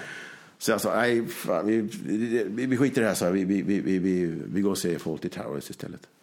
Va? sa hon. Ja, har du inte John Cleese? Jo, det visste hon väl, men Fawlty Towers har hon aldrig sett. Va? Så vi, vi, ja, vi går på, okej, vi tittar på det hon fattade ingenting. Jag har aldrig sett någon skratta så mycket. Hon skrattade, jag höll på att skratta ihjäl sig alltså. Så vi, eh, vi gick ner igen och spelade 25 procent bättre. Och katter. För att, precis som jag sa, man måste tillbaka till det här lekfulla. Va? Man kan inte bara, för det är så mycket allvar. Och för att kunna få fram det där riktigt allvarliga så måste du ha humor med. För det, det löser upp allting. Va? Hasse Alfredsson pratar om växelbruk i hjärnan. Ja, det är det. Precis, det är exakt samma sak. Det är precis, det som är, det är precis samma sak. Det löser upp. Va? Alltså, vi såg ju Pang i bygget hela veckan. Där. Vi var på Regnbågen och såg Pang i bygget. Ett konditori i Regnbågen. Och så Pang i bygget och så spelade hon ju då. Men det löste sig själv alltså. Så, och sen kom ju den här skivan ut då. Det blev Grammis-nominering, det blev etta i England. En engelsk recensent sa att det här var det, det här var det största nutida verk han hade hört på de senaste 20 åren. Skrev han. Det ett stycke av ett geni det här och att han var helt besatt av det. Och i Polen så blev det etta. Polen är ett klassiska musikens högborg alltså. Så det är en recensent som kom hit och gjorde en stor reportage om mig. Och det var som en, alltså det var ju, över, och I USA blev jag intervjuad av USAs största eh, klassiska tidning, ja, för jazz och klassisk musik, för, som enda tonsättare, svenska tonsättare någonsin tror jag. Så överallt var det upp med den här skivan då. Va? Och eh, då, då så, men jag visste inte vem jag var. För jag, men efter när alla mediciner och allt det där försvunnit så, och mitt liv var helt annorlunda så tänkte jag, jag kan inte, jag kunde inte komponera. Men det hade gått så bra för skivan och, och så, där, så jag tänkte jag måste tacka Cleese alltså för det här på något vis. Och då fick jag ett mail från Elizabeth Pitcairn från Hollywood. Då. Hon är ju där med Clooney och Brad Pitt och allt det där. Så hon skulle gå på lunch med Camilla Cleese, Johns dotter. Skrev hon mitt mejl. Så jag skrev hälsa då hennes pappa och tacka för all jävla panikångest. Skrev jag. ja, sen i alla fall tänkte jag, hur ska jag få, man tänker man kunde få tag i Cleese bara för att skicka skivan åtminstone till henne. och sådär. Eh, så att jag började kolla upp lite och så fick jag fatt i alla fall eh, någon fru till någon agent. Eller vad det var. Så jag ringde. Och sa, är det du? Jag, vet, du? jag har hört någonting om det, är någon fiol och någon, någonting med John Cleese. Är det du det? Så. Ja, du ska, min man ringer dig imorgon, säger jag. Så jag tänkte, det gör han ju aldrig. Det gjorde han. Och så sa han att eh, ja, vill du träffa John Cleese? För han, han vill gärna träffa dig. Han vill ju veta vad, vad det är. Så här, liksom, alltså. Du ska veta, träff, det är svårare att träffa Cleese än att träffa Obama. Så han, för att han, vill inte träffa, han, vill inte, han vill inte träffa folk på det viset. Ja. Så, så att vi... eh, Så skulle han komma till Sverige. Och då åkte vi dit och då hade jag med mig min bästa polare.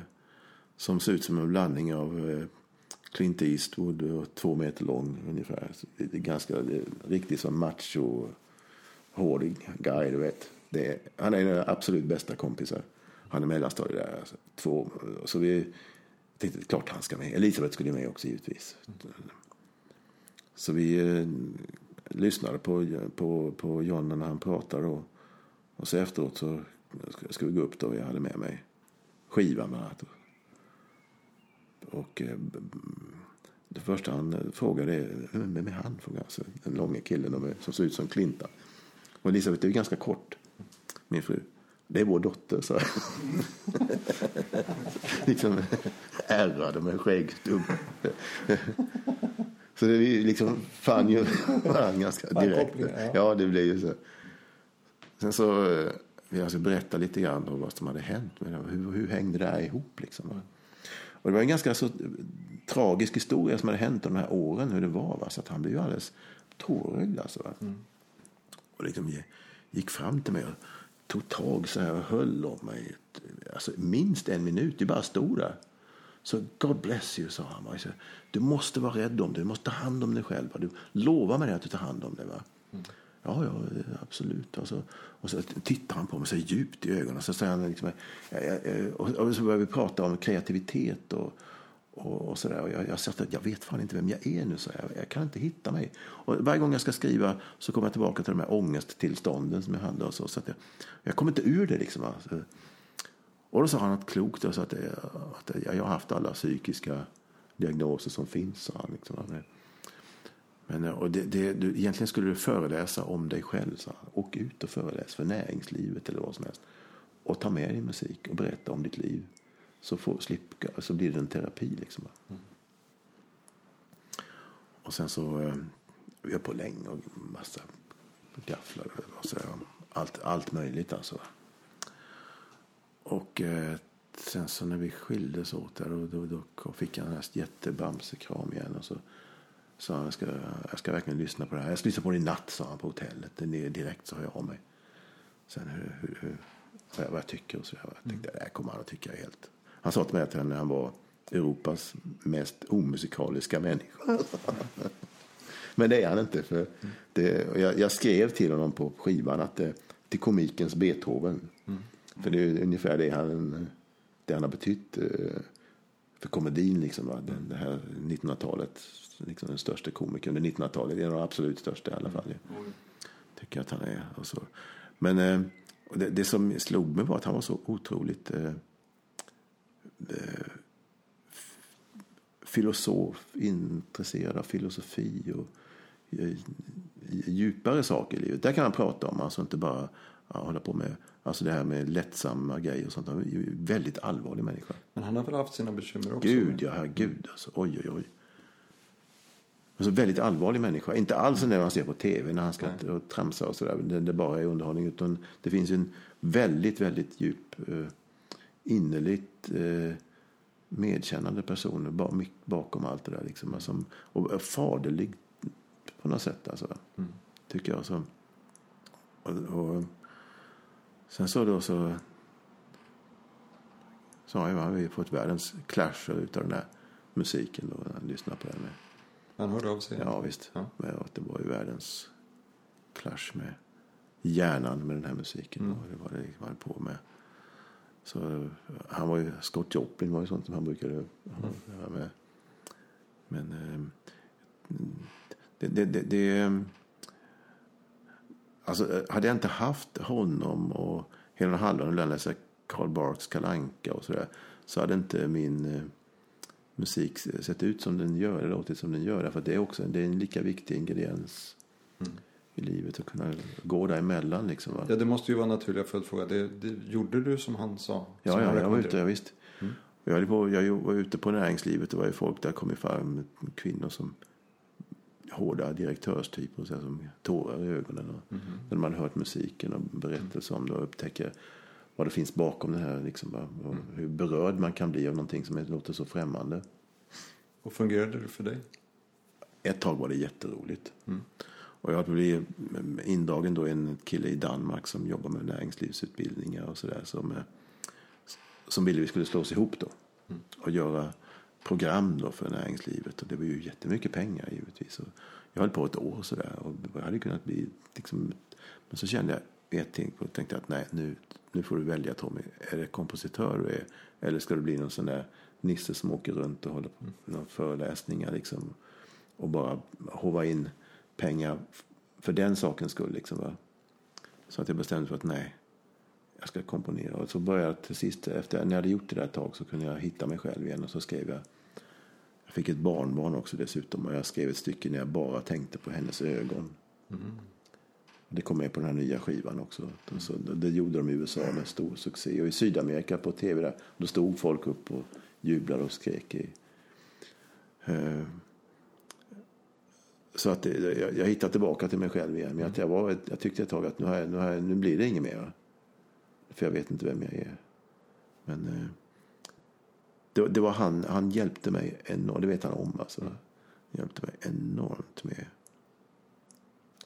med det där. Och, och få kontroll på, på de här, Och balansen kanske. ja just det, spökena i en själv och, och, sånt. Där. Så, och, och koncentrationen. Och hur viktigt det är att men det har jag alltid vetat hur viktigt det är att tramsa och dumma sig och sådär. Fan, det är, annars går det ju inte att leva liksom. Nej. Har ni fortfarande kontakt? Ja, nu är det ett tag sedan men vi har lite sms och lite sånt där. Så. Han får gärna vara med som gäst om, du, om, ni, om Jag samtalet funderar på att prata om han skulle komma hit och presentera. Alltså, jag tänkte i vårat... eh, På, Ja, du våran på den? podcast. Ja, just det. Ja, just det, ja, just det ja, ja. Jag tänkte på honom att presentera musik. Någonting skulle vara, det varit intressant att göra. Då vill jag också vara med. Men, ja, ja, Ja. självklart. Ja, det, Men han är, han är ju gammal nu och, och sådär. Jag tror jag tycker inte han, han skulle inte gjort den här sista turnén här riktigt. The Alimony Tour. Nej, den här sista, det, det, jag det tror var det väl var. för att skrapa ihop pengar till skilsmässan? Ja, precis. Ja. Men det, det hade han ju redan fått ihop innan dess. Att det, Alltså, ja, men, men eh, men, men just nu håller du på och komponerar mitt uppe i och skriva Mm, ner. Hur, hur långt fram ser du sen? Vet du vad du ska göra ja, efter jag är det? uppbokad. Ja, Om jag tänker efter nu så har jag nog beställningar resten av livet. Är det så? Oj! Om jag ska göra allt det som folk ber mig om. Ja. Ja. Ja, oj, oj, oj. Jobbar du med flera projekt samtidigt? Eller full fokus? Ja, jag försöker nu bara göra, hålla fo- fokus på en sak. Ja, för jag tänker om du nu har ett helt så, jättestort stycke i huvudet. Mm. Ja. Och har då flera stycken kanske i... Ja, det blir jobbigt. Alltså, jag, jag har gjort så, i, I början när jag gjorde det här nu så hade, tog, jag, tog jag några beställningar på lite mindre saker. Så, ja, det fixar jag, det gör jag lite snabbt. Och så. Mm. Det tar ju ändå en himla massa tid. Man ska göra det bra. Va? Det finns liksom inte någon mellanläge för mig Jag kan tänka på det, på det sättet. Utan det måste...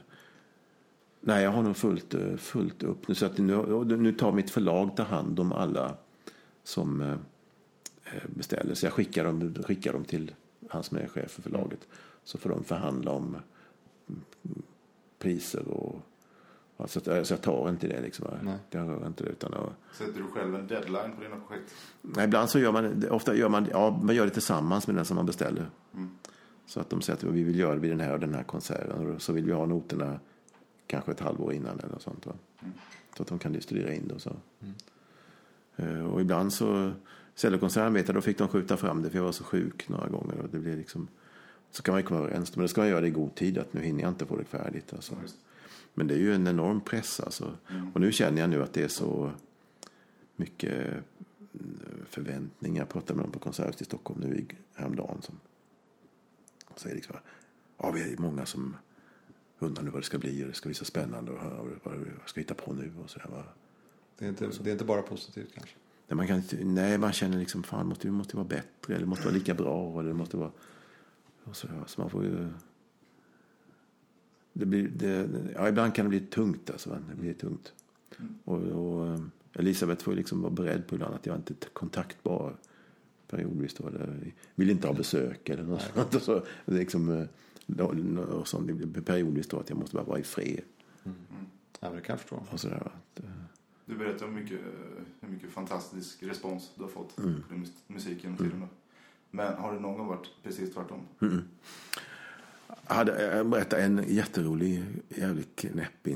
Det finns en pianoprofessor som heter Hans Paulsson. Som gjorde massa tv-program om eh, Döda Mästares Sällskap. Mm. En serie. Han är en fantastisk pianist. En av våra riktigt stora pianister. Han beställde ett stycke av mig. Pianostycke. Eh, och jag skickade det till honom och han tyckte det var alldeles fantastiskt. Och eh, skulle han uruppföra det på en festival som heter Kullabygdens festival. Som han hade då. Och vi åkte ner dit och han spelade upp det för mig. Han var jättenervös. Det var ett svårt stycke att spela. Massor med gud alltså. Jag, jag kan inte spela en takt av det själv. Men, gud vad han fick slita. Och han gjorde det jättebra. Och så var det en recensent där på, norr, jag tror han, heter det Norra Skånes Tidningar? Eller? Nor- Nordvästra Skånes Tidningar. Han hette, eh, jag jag inte om han hette, spelar ingen roll. Men han var där i alla fall, han hade gipsat foten. Det är han som ska skriva recensionen, så alltså. Tittade han stött med en gipsad fot. Jag tänkte, det borde inte gått där. Så. Ja, så var två recensenter, den ena och den andra från Helsingborgs Dagblad. I Helsingborgs Dagblad så stod det att det var som att höra musik för första gången. Ska jag, alltså höra musik, alla gånger, första gången man hörde musik alltså.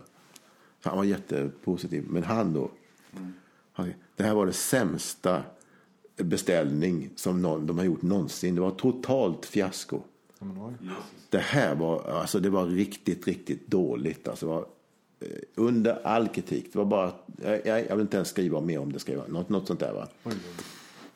Jag tänkte inte om, så tänkte jag sen då, tio år efteråt, ska samma stycke göras när det var en Båstad kammarmusikfestival. Eh, då, och då var det fokus på min musik och Messiaen. Det var 2008 tror jag. Då är han där igen och ska recensera. Samma stycke, samma pianist. Och då har Hans gjort en ganska så ny tolkning av stycket och så här. Så, och han, har, han spelade och det är jättebra. Ja, så kommer det en recension från honom igen då. Tänkte nu, nu ska vi se vad han hittar på den här gången. Skriver han ännu värre? Vet du vad? Då jämför han det med Brahms sena pianostycke. Har han glömt bort då? Ja, förmodligen. Jag vet inte vad som, jag vet inte vad som har hänt. Men det är nog den gången jag fått sån riktigt dålig kritik. Alltså, där, var- där man tyckte att det här var ju så jävla... Men alltså, han har väl rätt att tycka vad han vill. Och, Men då måste man ju också tänka att det är en persons ja, åsikt. precis. Tyvärr så delges den till Ja, många då. ja, Det precis. är alltid den man kommer ihåg. Ja, det är ju, Ja, det, ja precis. Va? Och, man, och, och, och, alltid om man läser någon recension och så står det någon negativ grej så, så förstoras den upp till, Ja, jag vet inte hur mycket liksom. Va? Det där problemet har vi också. Ja, precis. va. Och så tar man åt sig av det och så är det bara, och det är bara en enda person som tycker. Ja. Och, men jag menar, skulle jag å andra sidan lägga vikt vid, eller det gör jag på sätt och vis, men alla de här fantastiska saker folk har skrivit om min musik. Så skulle jag ju bara flyga upp över, liksom, på, eller bli fruktansvärt odräglig. Det är ju Så därför, ja, så därför, precis va. Så Och det därför, kan vi intyga att det, det har inte hänt än. Nej, men för fan, alltså, därför, så därför man, man får, måste ta allt sånt med, liksom, det är väl jättefint att de tycker det, men det gör inte mig ett spår bättre för det. Nej. Det- Jag kan säga också att de här två tidningarna du nämnde har slagits ihop idag. Och jag hoppas att de behöll den, den rätta recensenten. Ja. Ja, vi kan ju intyga att du, är- du är en väldigt jordnära och, och trevlig och härlig person. Eh, men om man då blandar de här två världarna. Eh, det måste bli väldigt mycket triviala grejer också i, i ditt liv. Alltså upp och ner. Mm. Ja. Tänk alltså du tar emot en medalj av kungen ena dagen och så andra dagen åker du till Ullared. Ja. Det måste vara väldigt spännande liksom. på Ja, det är, ja, ja, det är jättehäftigt. Ja. Det är det. Och, och, och, och det som är ibland så, så svårt med det här, det är att som när det är någon stor grej runt omkring en, plötsligt så är man intervjuad i massa radiostationer, kanske tv och det gör massa, och det, det är tidningar som ska göra intervjuer och det skrivs och det är folk är på en och man får inte vara i fred och sådär. Det är hur mycket som helst. Det blir för mycket liksom va. Och sen när det är färdigt sen, ett par dagar efter, då är allt tyst. Och det måste det vara också, det är man helt ensam. Och så går man här också helt ensam. Alla andra jobbar på dagarna. Och sådär. Och man, i, vissa dagar tänker jag, idag orkar jag inte skriva. Alltså, vad ska jag göra? Jag, går ut på stan. Och, inte en käft på stan. Det är klart lite pensionärer som går runt och sådär. Eller s- sätter man sig på ett fik och, och så där. Det är, det triviala saker, det är jättemycket sånt också. Det ingår ju i, i livet. Och mitt liv med Elisabeth och sådär. Det är ju, hon är ju min klippa liksom. Håller ordning på allting. Och, och, så där. Det, och så är hon så himla bra att hålla koll på min musik också. Hon, hon kan ju hon kan den ju utan och innan alltså. Mm. Så att, eh, ja kungen är ju, det är ju, det har jag träffat några gånger med. Och så där. Det, det är ju, det är roligt att träffa sådana där människor också. De,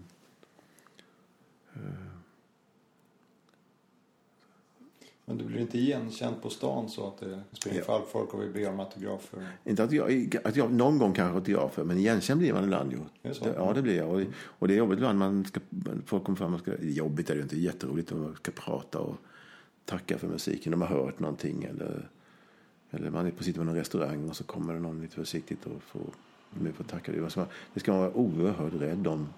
Att folk vill ta sig besväret och göra det. Liksom, va? Att de känner att, de, att det har tagit dem. Jag är jag enormt tacksam för det. Liksom? Sen kan det bli störande om det är människor som men, nästan följer en och tror att de känner och ska... Och sådär, va? Då, man inte förstår gränsen. Nej, då, Var blir det, då, blir, då, blir det, då blir det jobbigt. Men alltså, jag är ju relativt var i fri här på stan. Det är inte, det är inte alls så. Det är inte den typen av musik. Eller, men, men, det, men, eh, och här, är det det är ju inte, det är inte så många som jag jobbar med här så på min, min, min musik direkt. Så, va? Men det har blivit en Tommy Haglund-sal där på det här nya konserthuset nu. Det är jag ju jättestolt över. Ja, det- är, Det är det är fantastiskt roligt. Det, det är roligt. Och så kommer den här boken nu också, kommer ut i London. Om eh, mitt liv också. Det, det ska bli spännande att se. När, när kommer den? Han, nu ska han skicka in den till förlaget här, sen ska gås igenom. Jag tror att det tar minst ett år innan den kommer. Alltså, det ska gås igenom jättemycket. Du fick väl något kapitel där? Gick det att förstå någonting vad det stod? Jag försökte, men min engelska var lite, Okej. lite bristfällig. Jag förstår det. Och han skriver det ganska så besvärlig engelska ibland också. Jag upptäckte det. Bitvis, ja. Ja, nej, avslutningsvis då, det, som vanligt i den här podden så, så har vi miljoner frågor till, men vi hinner inte med det. Nej. Keep the audience wanting more. Eh, Vill du rekommendera någonting eller göra reklam för någonting? Utöver serien kanske? Hur, boken? hur ska man, ja, en följd. Okej. Var ska man börja lyssna på? Kan man, Ja, har du något du vill? Ja, ja, ja alltså, och jag, jag vill inte... Jo, men jag kan, ska jag göra reklam? Ska jag göra verkligen Gör Jag kan. absolut. Det kommer en ny skiva nu på Biz Records som kommer ut över hela världen nu. De har en enorm spridning. Alltså det är ett av de riktigt stora klassiska bolagen. Som kommer ut med en ny skiva nu med min musik. Med Göteborgs symfoniker. Det är min cellokonsert. Det finns ljud som NASA har tagit upp från rymden och processat med elektromagnetiska vågor och sånt där. En En konsert för cellorkester. Ja, precis. Det är en återkoppling till barndomen där. Ja. Den eh, spelades in i Göteborg, Göteborgs konserthus. Och det var faktiskt nio minuter stående applåder. Folk skrek efter det där. Så den är, det är jag stolt över. Och sen så eh, det här lilla stycket till mitt barnbarn också som jag skrev. Det finns med där också. Ögonen. Så den, den, den finns på Biz Records. Och då bara kan man titta och slå på mitt namn tror jag. På, och så Biz. Så kommer den ut om två veckor släpps den tror jag. Ja, vad trevligt. Annars kan jag göra reklam för Kulturskolan här i Halmstad. Jag gör reklam för Sturegymnasiet. Ma- Massa fantastiska elever jag har träffat där som har gett mig jättemycket. Och så.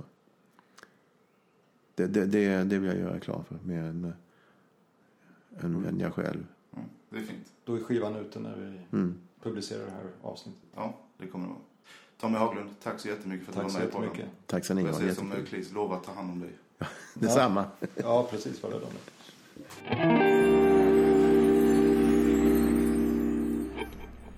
Du har just hört podden Ett gott snack med gästen Tommy Haglund. Vill du lyssna på fler avsnitt finns vi på iTunes, Acast eller TuneIn Radio. Du kan också lyssna direkt från webbsidan www.ettgottsnack.se. Där kan du också läsa mer om oss som gör podden.